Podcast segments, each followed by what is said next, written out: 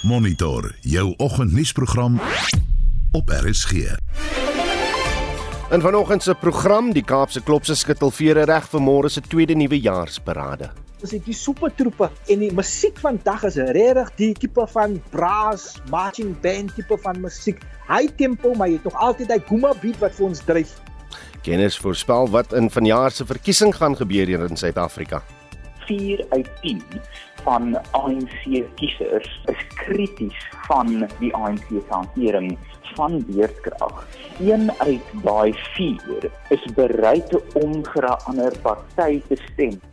En groot reën vandag vir die Oos-Kaap en KwaZulu-Natal voorspel. Welkom by Monitor op die eerste dag van 2024. Die span vanoggend is redakteur Wessel Pretorius, ons produksieregisseur is Johan Pieterse en ek is Udo Karlse.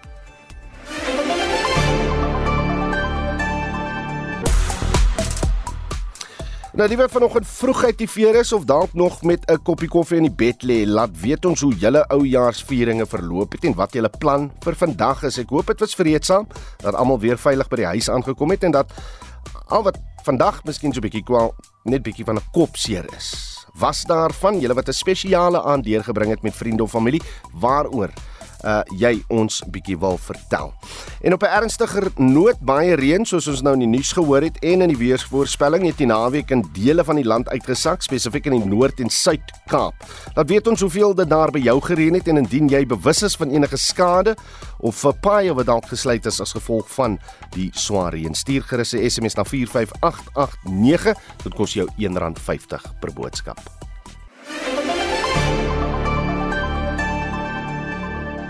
Dis 8 minute oor 6. Die eThekwini munisipaliteit sê veiligheid is 'n prioriteit terwyl vakansiegangers die stad in groot getalle besoek. Ter duisende plaaslike inwoners en dagbesoekers van die KwaZulu-Natal se platteland sal na verwagting vandag na Durban se strande stroom. Die voorsitter van die munisipaliteit se ekonomiese ontwikkeling en beplanningskomitee, Tembontuli, sê die aantal wetstoepassingsbeamptes is, is in die stad se besigste dele vermeerder. Bietjie van 'n merwe het meer besonderhede. Amptenare van die eThekwini munisipaliteit, saam met die polisie, metropolisie en privaat sekuriteitsfirmas, sal gereed wees om te verseker dat die nuwejaarsvieringe glad verloop. Ntuli sê die stad het veiligheidsmaatreëls verskerp na mate meer besoekers na die stad kom. We have a team composed of all the securities. In fact, we have hired this private security. There is Metro, there is SAPS, We have also taken all of those that have got private security to come to be part of the people that are going to look after the people. But more than that, we have made sure that we have made bangles for young ones, those that will go away from their mothers to get safety. But more than that, we have also made sure wherever you go, there are police that are visible to look after the people in security. Hy sê daar sal padblokkades vir roetineondersoeke wees en om te voorkom dat mense dronk bestuur. Hy sê die stad het 'n benadering van geen verdraagsaamheid aangeneem. If you are found drinking at the beach, you are taken to the police station. And sometimes you are giving the fine and sometimes you are being sent away. But most of the time when you are drunk, your alcohol and yourself is confiscated but you are taken and being arrested. So you need to be careful when you go to the beach, don't use alcohol and don't carry alcohol or anything that has got to do with alcohol. Vakansiegangers sê hulle is gelukkig met die hoë polisie sigbaarheid van wetstoepassingsowerhede in en buite die stad terwyl hulle hulle self op die strande geniet.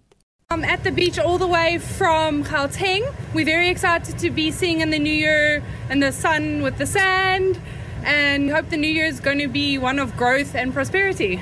Tea is fantastic. I'm very excited to be here. I've seen quite a few police present and I think it's a very safe, fun place to spend time with your family. From London, England, feel really safe here. Seeing the police around.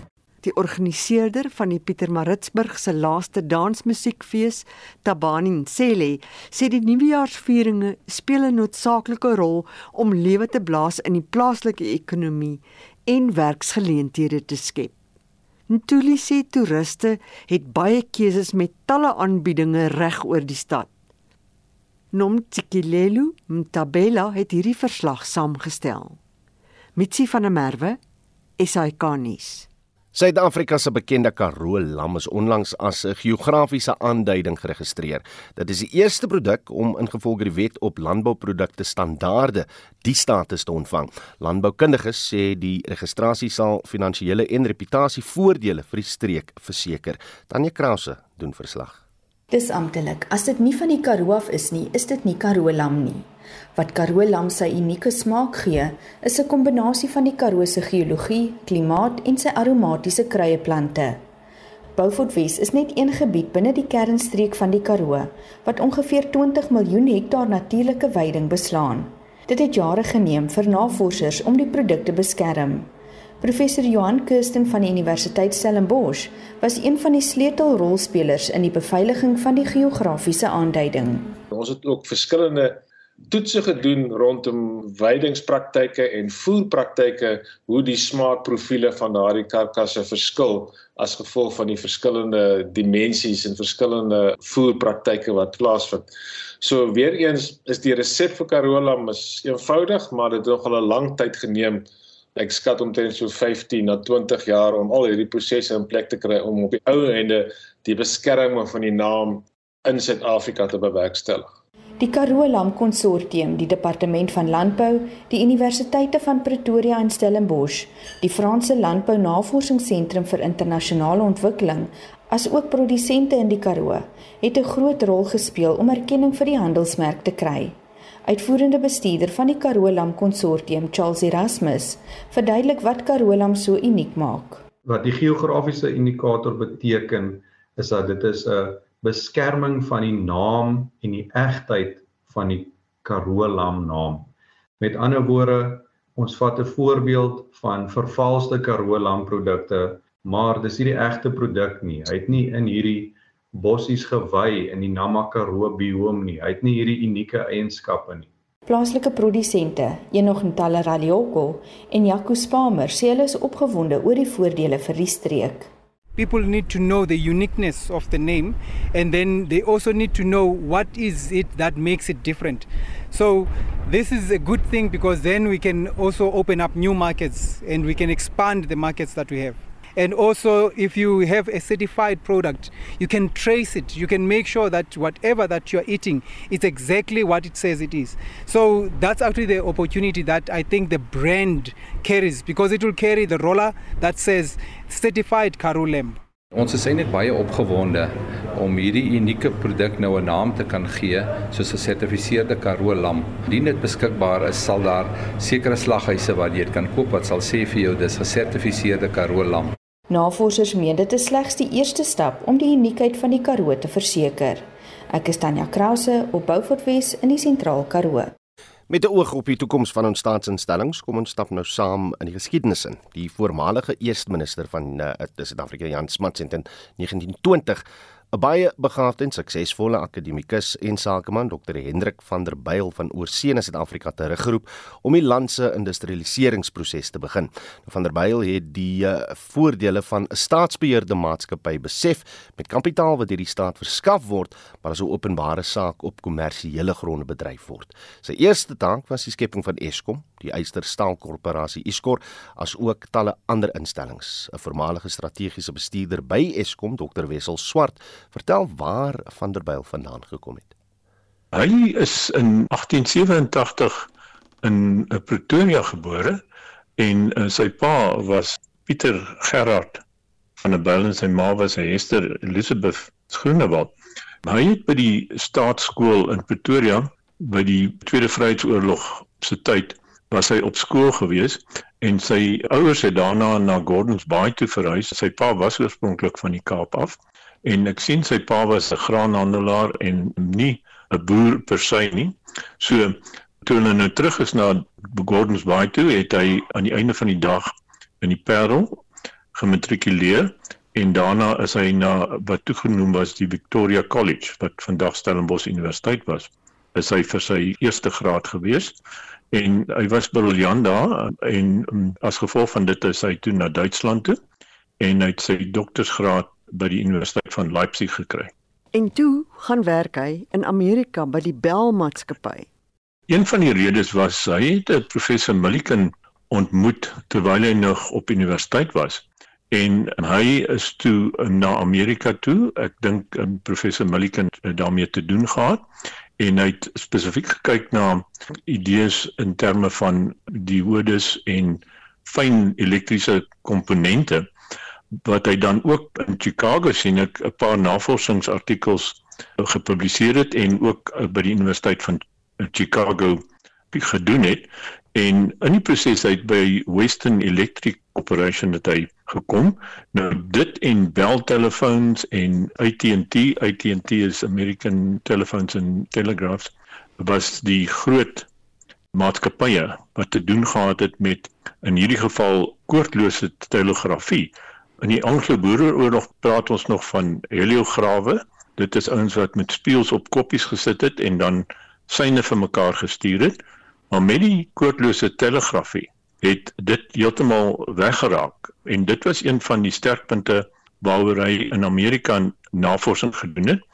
En toe in 1919 se tyd met Jan Smuts omraak gesien en hy was toe een van die kandidate wat uh, vir 'n wetenskaplike en tegniese adviseur gevra was om aansoek te doen en hy het toe die werk gekry en dis die manier waarop hy teruggekom het na Suid-Afrika toe. Hy was baie nou betrokke by die eerste oproep van New York na Parys. Na Parys toe gewees. In Frankryk. Ja. Dit was as gevolg van die koordlose telegrafie want voor dit was dit telefoonlyne. Jy het telefoonlyne gehad. Nou sit daar praat ons op WhatsApp byvoorbeeld, maar ons doen nog dieselfde as wat ons sou gedoen het as ons 'n telefoongehoorstuk aan ons oor gehad het om dan met iemand anders te praat deur die sentrale. Nou waar hy in die prentjie gekom het, is hy dit uitgeskakel deur die sogenaamde koordlose telegrafie.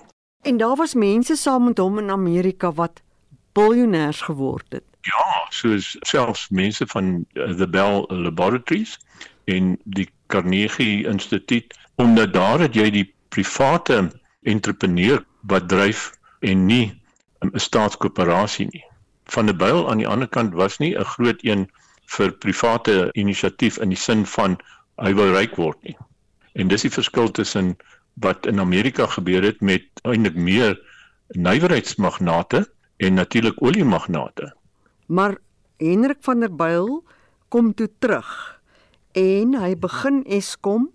Hy het die keuse gehad om dit of as 'n privaat maatskappy te doen, maar hy het besluit om dit 'n staatsinstelling openbare koöperasie oh. want wat gebeur het is toe hy nou hierdie pos gekry het as die adviseur vir die regering was dit nie net die elektrisiteit wat hy moes na kyk nie hy moes na die spoorweë kyk hy moes kyk na die aard van die saak elektrisiteit hy moes kyk na die ontwikkeling van 'n staal en ysternywerheid want dit is gesien as die proses van industrialisasie so hy het gekyk om spesifiek na elektrisiteit en yster en staal. En sy werk was om iets te doen oor die groot prentjie. Hoekom het hy besluit om dit as 'n openbare korporasie te doen en hoe het hy dit gedoen?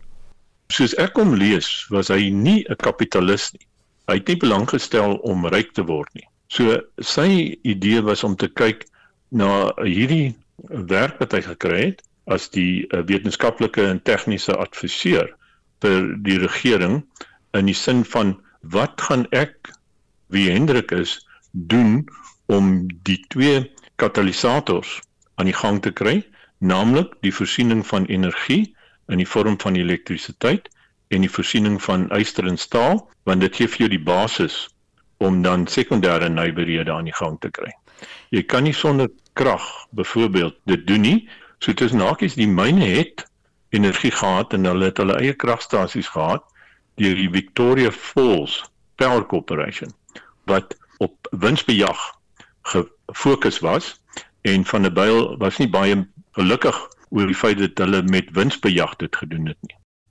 Dit was dokter Wessel Swart eh, wat daar met ons Mitsie van der Merwe gepraat het oor dokter Hendrik van der Byl wat die industrialiseringsproses in ons land 'n eeu gelede begin het. Luister gerus môre oggend na die volgende bydra oor die merkwaardige man.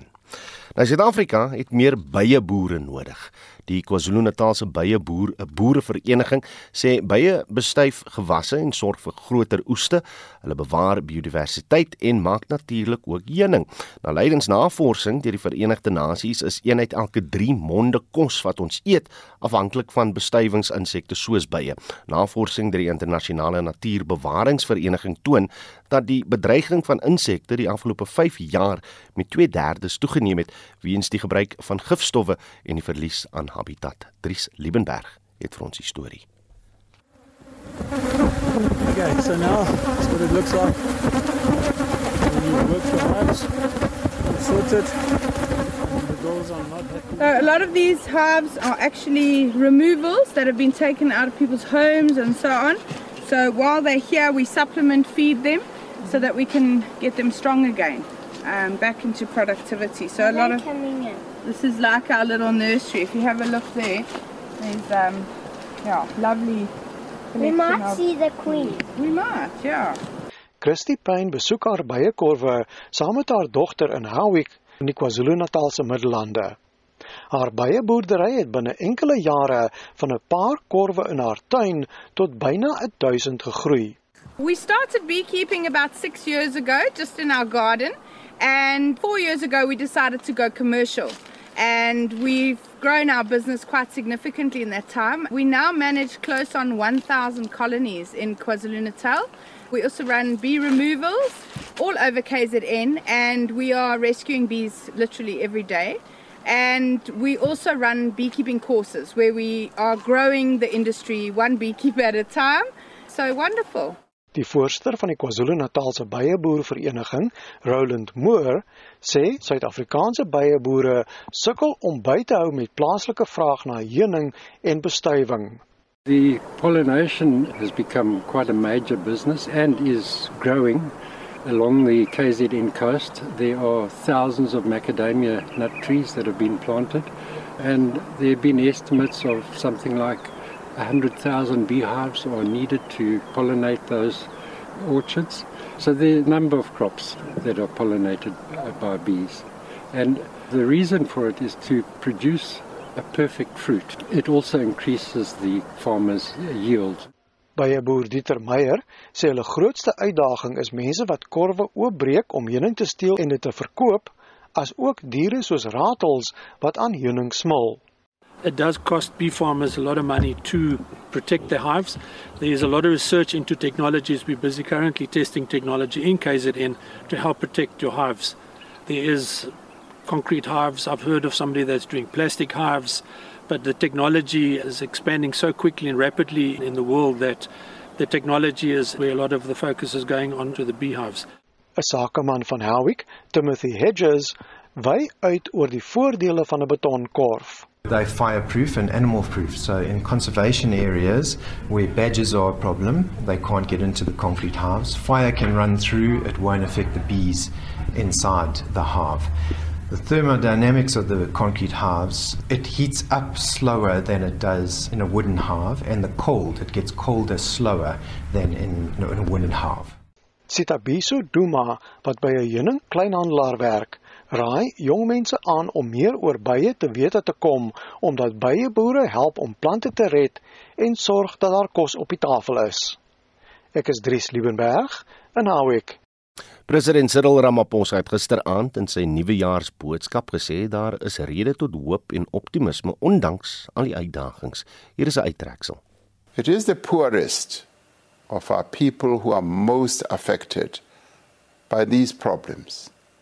To address these challenges, we are at work to rebuild our economy and our society in the wake of the devastating COVID 19 pandemic. Notwithstanding the many setbacks that we have had to confront, our economy has proven to be resilient and is now larger than it was before the pandemic struck. Under difficult conditions, we have recovered the jobs that were lost due to COVID 19. While we experienced some of the worst load shedding ever in the first few months of 2023, through an intense focus on implementing the Energy Action Plan there has since been a steady decline in the severity of load shedding. Through regulatory changes and other measures, we are seeing massive new investment in energy generation and in the installation of rooftop solar. En dit dan 'n uittreksel van president Cyril Ramaphosa se nuwejaarsboodskap.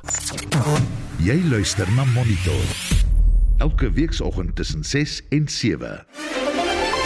Presies 6:30 en hier is wat voor lê in die res van die program. Swaar reën word vandag oor dele van die Oos-Kaap en KwaZulu-Natal voorspel en die Kaapse klopse skittel vere reg vir môre se tweede nuwejaarsparade. Bly ingeskakel.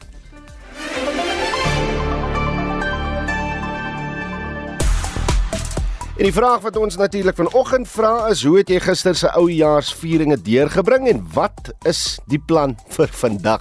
Is daar 'n plan vir vandag?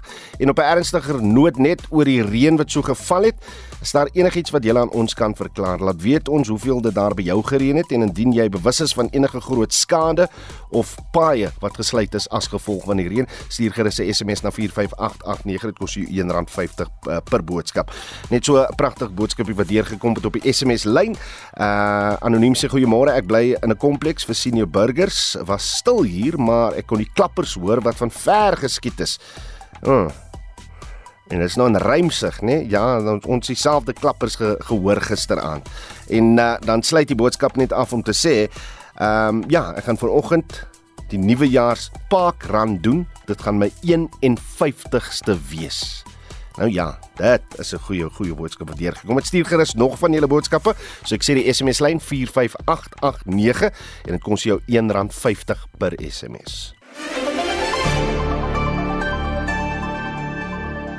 Reg maar Suid-Afrikaners ontspan vandag om te hoor hoe die weer by jou gaan lyk. Praat ons met 'n voorspeller by die Suid-Afrikaanse Weerdiens, Wayne Venter. Wayne, goeiemôre. Goeiemôre Oude, goeiemôre aan die luisteraars. En uh, kom ons begin net met waar die reën wat die Kersfees oorstromings gebring het, waar dit vandaan gekom?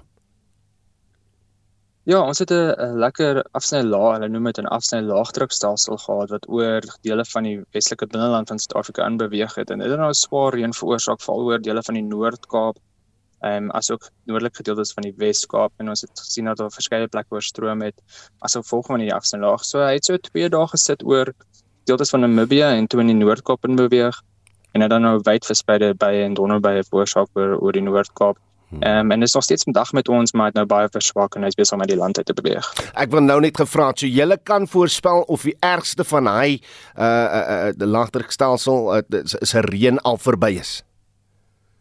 Ja, dit is daarom nou al uit die die stelsel het nou baie verswak. Dit het deur die loop van die naweek nog 'n bietjie reën gebring veral vir die dele van die Wes-Kaap. Hmm. Ehm um, en dit het nou vandag dit verder vir die Oos-Kaap en vir KwaZulu-Natal gaan reën bring. Um, en dan teen môre klaar dit heeltemal op oor oor die meeste dele van Suid-Afrika en dan het ons sien ons maar net weer die die enkele donderbye wat natuurlik in die middag oor die sentrale en oostelike binneland sal voorkom. Reg, praat bietjie met die luisteraars as hulle nou hoor van 'n geel vlak 4 waarskuwing of 'n geel vlak 2 waarskuwing. Wat wat moet dit vir ons beteken uh, vir diegene wat nou op met vakansie is in sekere dele van die land? Ja, dis eintlik 'n kleur eh, stelsel en so as dit 'n geel vlak waarskuwing is, beteken die impak gaan 'n bietjie laer wees as wat, uh, wat ons verwag. Ehm um, waarna as mense kyk na oranje of rooi impak of, of vlak waarskuwings, dan sal verwag ons dat die impak baie hoër gaan wees en dat dit meer mense gaan affekteer. Ehm um, so as mens kyk na vandag het ons 'n geel vlak 2 en 4 waarskuwing. So die impak wat ons verwag is maar op 'n klein skaal. Ons verwag nie 'n groot impak van die reën nie, maar daar kan wel impakke uh, impakte voorkom waar langs die kusgebiede van KwaZulu-Natal en die Oos-Kaap. Hmm. Daar daar is plekke waar die waar die kook uh, na 30 plus grade styg, maar maar dit lyk temperature is relatief matig vandag. Ja, maar um, ons sien dan natuurlik deur die loop van hierdie week wat nou gaan voorkom, die Weselike Middelland sal weer baie warm tot middel en hoë 30s voor ehm um, wat gaan voorkom, uh, modelle van die Noord-Kaap en Wes-Kaap. Um, maar die res van die land redelike matige temperature in die hoë 20s, lae 30s. Ehm um, en dan nou vandag, want ons kyk nou waar dit gaan reën, ehm um, temperature in die lae 20s en en middel 20s vol deur dele van KwaZulu-Natal en die Oos-Kaap. Lyk jy vir my dis die beste dag op die strand vandag tensy jy in die Kaap is nie nie.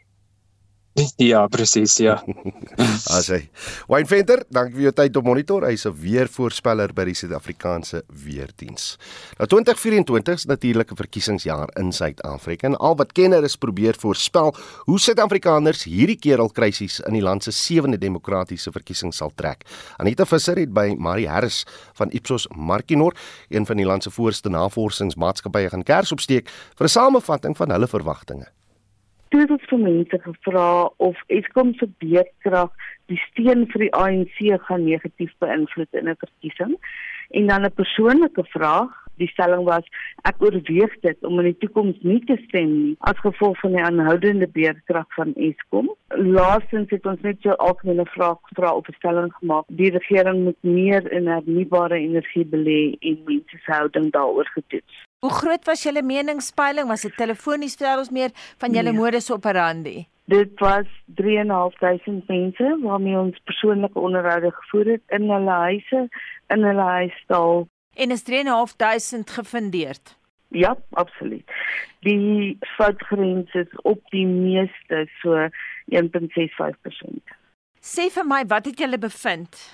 Kom ons begin by die eerste stelling wat ek met jou gedeel het. Die bestuur van beerkrag deur die regering en Eskom dink meer as 80% van die mense in die land, 83%, dat die regering en Eskom regtig droog maak. Hulle sal sê dit word glad nie goed gedoen nie of dit word naaste by nie goed gedoen nie en daar's net 15% wat sê dat die regering wel gedoen. As ons kyk na werkende en werklose mense dink hulle amper dieselfde hieroor. So daar's geen groot verskille tussen werkende en werklose mense. Ten opsigte van politieke partye is daar effens 'n verskil dat die ANC ondersteuners 'n bietjie meer verdraagsaam is. Maar nog steeds net 22% van ANC ondersteuners sê die regering doen nie sleg nie, maar die res van hulle sê baie duidelik die regering doen glad nie goed in die bestuur van beerkrag nie. En die twee provinsies waar die kritiesste is, is die Noord-Kaap en die Oos-Kaap. Kom ons kyk tweedens na Eskom se beerkrag van die steun van die ANC negatief beïnvloed. Hier is daar groot ooreenstemming tussen alle mense in die land weer eens. 2/3 van Suid-Afrikaners sê, wat 65% sê dat dit definitief die ANC se steun gaan beïnvloed in die algemene verkiesing. Dit is veral sterk onder 18 tot 24 jaar is. En soos jy weet, is dit die groep kiesers wat die minste geregistreer is wat makliker wegbly van 'n stembus af as enige iemand anders en wat al die politieke partye na vry. Hulle wil almal hê die jong mense moet vir hulle stem. En die jong mense is die meeste krities oor weerkrag. As jy mens kyk weer eens werkloos en werkend geen verskil nie bevolkingsgroepe, swart mense, wit mense, bruin mense stem almal saam. Die mense wat miskien 'n bietjie meer op die draad sit in hierdie geval is Indiër mense. Ten opsigte van politieke partye geen verskille nie. Ongeveer 2/3 en meer van hulle sê dat dit definitief die ANC se steun negatief gaan beïnvloed. Marie Harris se bevindinge strook met die van die Instituut vir Rasseverhoudings se onlangse peiling wat ook toon dat beerdkrag verreweg die grootste verkiesingsvraagstuk gaan wees. Herman Pretorius van die instituut het intussen na die onderhoud met Harris geluister en so daarop kommentaar gelewer. Die data wys vir ons dat 4 uit 10 van ANC kiesers is krities van die ANC se hantering van beerdkrag en dat hulle lewend aktief daardeur geraak is. Een uit daai 4 is bereid om vir 'n ander party te stem of het die intensie om vir 'n ander party te stem sou beerdkrag teenstendig nog nie opgelos word nie. Nou daai is een uit elke 10 kiesers. Nou dit klink dalk nie besonder baie nie, maar dit is 10% van die ANC se ondersteuners en dit is as ons gaan op die 2019 uitslaa, omtrent 6% van alle kiesers in die verkiesing. So as mense daai tipe swaai begin inbou en jy plaas dit in die konteks van meningspeilings wat die ANC hier in jou middel tot hoë 40% sit, dan kan daai dit aftoon so laag as 39% wat die ANC kan kry in nasionale verkiesing. So ek moet sê die data deur die band alle Suid-Afrikaners voel geraak hierdeur. Dit is een van die min kwessies wat regtig deur alle demografiese definisies en grense sny en die ANC behoort besonder bekommerd te wees daaroor. Herman Marie verwys spesifiek na die Noord- en Oos-Kaap wat besonder krities is. Hoekom? Wel, die Noord- en Oos-Kaap is interessante politieke gebiede. Die Noord-Kaap het 'n totale ander bevolkingssamestelling binne die Suid-Afrikaanse konteks. Mense kan kyk na vorige verkiesings waar die DA al onder die indruk was dat hulle op die rand is van 'n deurbraak maak in die Noord-Kaap, soortgelyk as wat hulle dalk voormik in Gauteng en KwaZulu-Natal hierdie keer natuurlik met die veelparty koalisie pogings daar. So die Noord-Kaapse bevolkingssamestelling is besonder interessant. Hy het nie die tradisionele wit-swart politieke dinamiek nie, hy het 'n baie groot bruin bevolking. So al daai vrae maak dit moontlik dat jou pragmatiese bruin kiezer meer van 'n sektor daar kan swaai in terme van watter rigting die provinsie polities beweeg. En ons kyk na die data en ons sien dat van al die rasgroepe is bruin kiesers in Suid-Afrika waarskynlik die mees pragmatiese, die groep wat die meeste bereid is om steun van een party te skuif na 'n ander van die nasionale party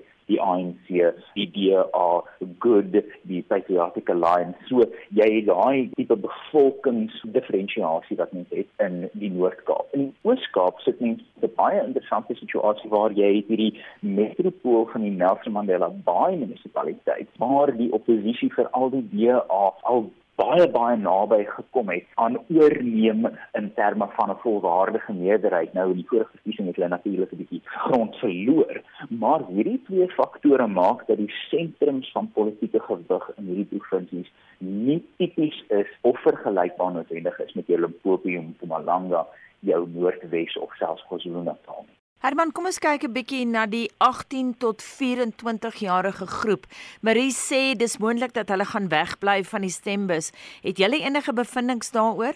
Ons het onlangs 'n baie interessante nuwe benadering probeer volg om juis te kyk of mense daai teikengroep van 18 tot 24 jariges deur sosiale media meer akkuraat kan pyl. En ons bevinding was heel interessant dat die groep 18 tot 24 jarige Suid-Afrikaners gedra hulle self omtrent heeltemal anders in terme van politieke prioriteite vergeleke met die, die ouer burgers van die land 30 jaar en op dit is 'n baie liquide of soort van vloeibare groep kiesers en dit is hierdie tendens wat met die heel korrek uitwys wêreldwyd is jou jonger kiesers jou meer onbetroubare kiesers as dit kom by stemdag dit is hoekom mense nou sien veral by die DA maar ook tot 'n mindere mate maar tog prominent by die IFP jonger kiesers gefokusde registrasie agenda registrasie pogings daar. Want daai kiesers is polities haweloos op 'n manier. Hulle is nie gebonde aan die struggle identiteit van die ANC nie. Hulle is meer gebonde aan daai eerste 10 jaar van regeringssuksesse van die Mandela Mbeki regering. So hulle is as jy die Engelsman sê up for grabs tot 'n groot manier en hulle is deel van 'n vreeslik aktivistiese generasie. As mens praat met statistici en so aan, dan is daar hierdie duidelike tendens onder jonger Suid-Afrikaners en wêreldburgers dat hulle is meer aktivisties, hulle voel sterker oor sosiale en maatskaplike projekte en inisiatiewe. So mens kan daai sien as 'n onsekerheid, maar definitief in hierdie komende verkiesing is dit die eerste keer waar hierdie generation Z as dit ware gekry kan word om polities te begin betrokke raak en as 'n party hulle eers in hierdie verkiesing kan kry, is daar navorsing wat wys dat as iemand 'n jong persoon vir die eerste keer stem vir 'n politieke party en 'n tweede keer ook 'n kruisie vir hulle maak, is daar iets soos 'n 90% kans dat hulle loyaal sal bly aan daai party. So dit is wat ook 'n bietjie die temperatuur van die stryd in die jong kiezer 'n bietjie opsteek. Herman, kom ons beweeg weg van die verkiesing af en ons kyk na die politiek in geheel. Wat kan ons verwag van die jaar Jacob Zuma as weer terug op die politieke skaakbord? Ja, nee, en ek moet sê dit wys net weer ek dink hoe Zuma vergelyk met Ramaphosa baie meer van 'n politieke straatvegter is as dit waar ons moet verstaan hierdie is 'n man daar's op hom neergekyk deur 'n groot deel van die ANC destyds. Die Mbeki faksie het veral gedink wie is hierdie Zulu skaapwagter met sy graad 3 graad 5 opvoeding. Ons het die Mbeki faksie gedink. Ons is die Afrika Renaissance beweging. En toe kom hy en met sy politieke taktiese en strategiese insig het hy hulle toelaat les op sê. Ons sien weer herhaling daarvan amper dat Ramaphosa weet nie presies wat om met Zuma te doen nie. So Zuma se toetrede tot die politiek is baie interessant, maar waar ek dink die regtige interessante politieke vraagstuk vir my gaan lê, is die ANC se nommer 1 en 2 leiers, dis Ramaphosa en Mashatile. Hierdie twee politieke grootgewigte gaan waarskynlik na die verkiesing beide van hulle verswak wees. Ramaphosa omdat hy die eerste ANC president gaan wees wat die ANC waarskynlik onder 50% gaan laat daal en Mashatile wat eintlik in 'n natuurlike opvolgersposisie sou wees, gaan ook waarskynlik skade ly omdat die ANC se finansiële toestand in die verkiesing hulle gaan kos en hy was aan die hoof, hy was tesourier van die ANC toe hulle finansiële posisie begin verswak. So dit is 'n nuwe situasie. Ons het al gesien waar jy 'n president het wat swak is, maar 'n visiepresident of alleen president van die ANC wat sterk is of die inverse. Maar ons het nog nooit regtig 'n situasie gehad waar beide die president van die ANC en sy adjunk polities na 'n verkiesing wegloop met 'n paar wonde om te lê. Dit dan Herman Pretorius van die Instituut vir Rasseverhoudings wat daar aan setsel van uh, Anita of deur Anita Visser afsluit.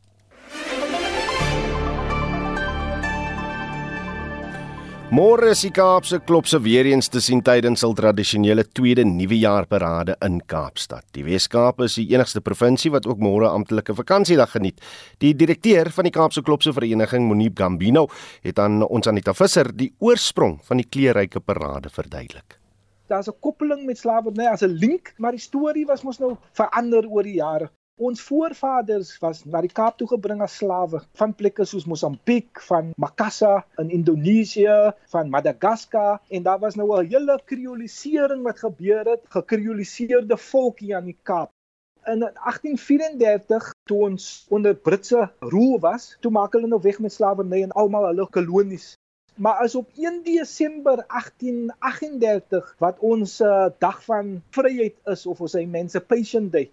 So as jy nou daaroor dink 1 Desember, maar ons het nou ons tweede nuwe jaar op die 2de Januarie en die storie met slawe, nee, die storie regtig is dat op die tweede nuwe jaar of op die 2de Januarie was ons voorvaders af vir die dag. Hulle het 'n bietjie die dag afgekry. Want op die 1 Januarie het hulle gewerk. Hulle moes kook en hulle moes help met die feesvieringe van hulle baase.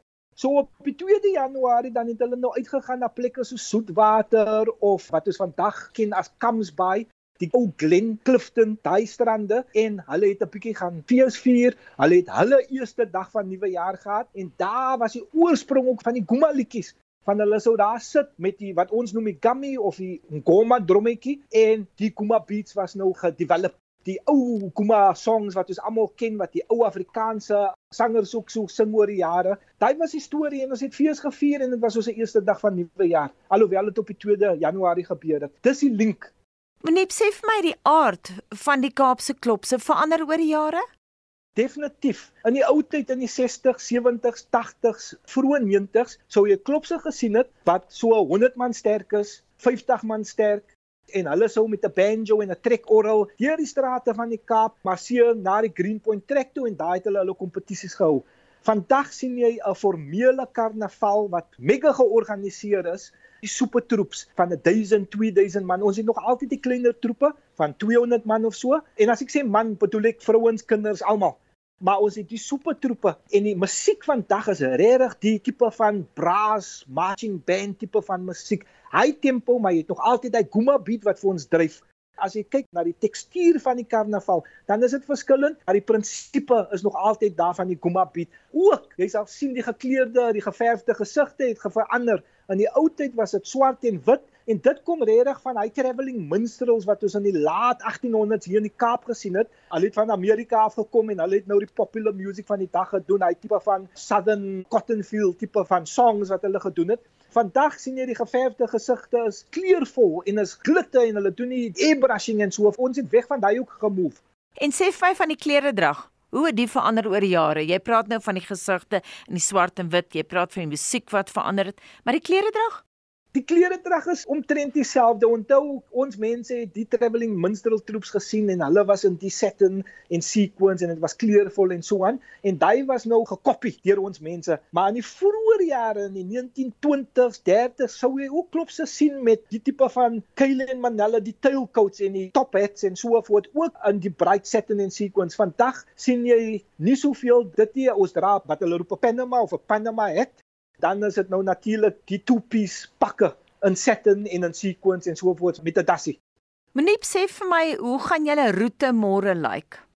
Ons begin by Keisergrag, aan Nouwestraat, die ou Keisergragstraat. Ons nou gehernoem aan Nouwestraat en ons is bly daaromtrent want dit was die tradisionele naam van hy straat. Ons begin daar ons parade af Darling, ons draai in Adderley en dan gaan ons op Waalstraat in die Bo-Kaap en uit Roosstraat jaar het ons nie die Golden Circle wat ons verlede jaar gehad het en dan die vorige karnaval voor dit nie. Ons het 'n reguit march, maar ons gaan uh, grandstanding het vir die mense en dit's op 'n sort of first seated basis en dit's verniet. So gepraat van verniet, wat kos die karnaval julle? Dit kos 'n klomp geld aan dit. Elke klop spandeer omtrent ek praat nou van die soepetroepe, hulle spandeer omtrent 2 miljoen rand per seisoen op hulle klopse. Die karnaval self is mos nou opgemaak deur môre se tweede nuwe jaar parade en ons kompetisie elemente. En dit kos tiene van miljoene rande maar ons was gelukkig vir die jaar dat in dat Hollywood Bets gepartner het met ons. En ek moet vir jou sê is fantasties. Hulle het regtig vir ons binne in hulle familie geneem en hulle help ons om die karnaval te deliver maar ook Hulle doen soveel vir ons mense van hulle die back to school program met die Kaapse Klub se Karnaval Assosiasie waar ons uit na die skole toe gaan aan die begin van die jaar. Hulle kry vir nuut skoolskoene en hulle kry whatever hulle nodig het vir die jaar stationery en so aan. Die karnaval is nie net belangrik van 'n historiese perspektief nie, maar is belangrik in 'n contemporary perspektief en hoe ons vorentoe gaan van dit is die grootste kulturele fees op die Afrikaanse kontinent en ons moet dit gebruik om ons mense te bevorder van 'n musikale perspektief, maar ook van 'n sosiale perspektief. Dit dan die stem van die direkteur van die Kaapse Klopse Vereniging, Monique Gambino. Reg mense vanoggend wil ons weet Hoe het jy gister die oujaarsvieringe deurgebring en wat is die plan vir vandag? En as daar enige groot skade is as gevolg van die reën, laat weet ook vir ons asseblief stuur ons 'n SMS op 45889. Dit kos jou R1.50 per boodskap. Nou op die SMS lyn skryf Ingrid: "Môre Oudo, ons omgewing naby die Steve Biko Hospitaal in Pretoria was stil behalwe vroegoggend boem boem musiek wat gehoor kon word." Van karre wat in die straat verbygery het. Ek word net bietjie kwaad vir al die bierbottels wat op die sypaadjie weggegooi word. Ingrid, ek stem saam met jou. Ek moet vanoggend nou seker net buite my uh, heining ook 'n paar bierbottels gaan optel. Ek het mense vroeg vanoggend gehoor verbyloop daarso. Uh so, sal maar sien wat die situasie daar is. En dan net 'n laaste boodskapie waar sy nou. Iemand wat daar sê, Hansie van Pretoria sê môre Ek hou van samewerking. So my plan vir 2024 is my vrou werk en ek gaan net saam. Dis Hansie van Pretoria. Baie dankie vir die boodskap. 45889 dis uh die SMS lyn en dit kos jou R1.50 per SMS. Ons groet aan namens ons uitvoerende regisseur Nicoline Lou, ons redakteur vanoggend was Wessel Pretorius. Ons produksieregisseur is Johan Pieterse en ek is Oudo Karel. Se geniet die res van die dag in die geselskap van RSG Monitor tussen 6 en 7 môreoggend weer terug. Totsiens.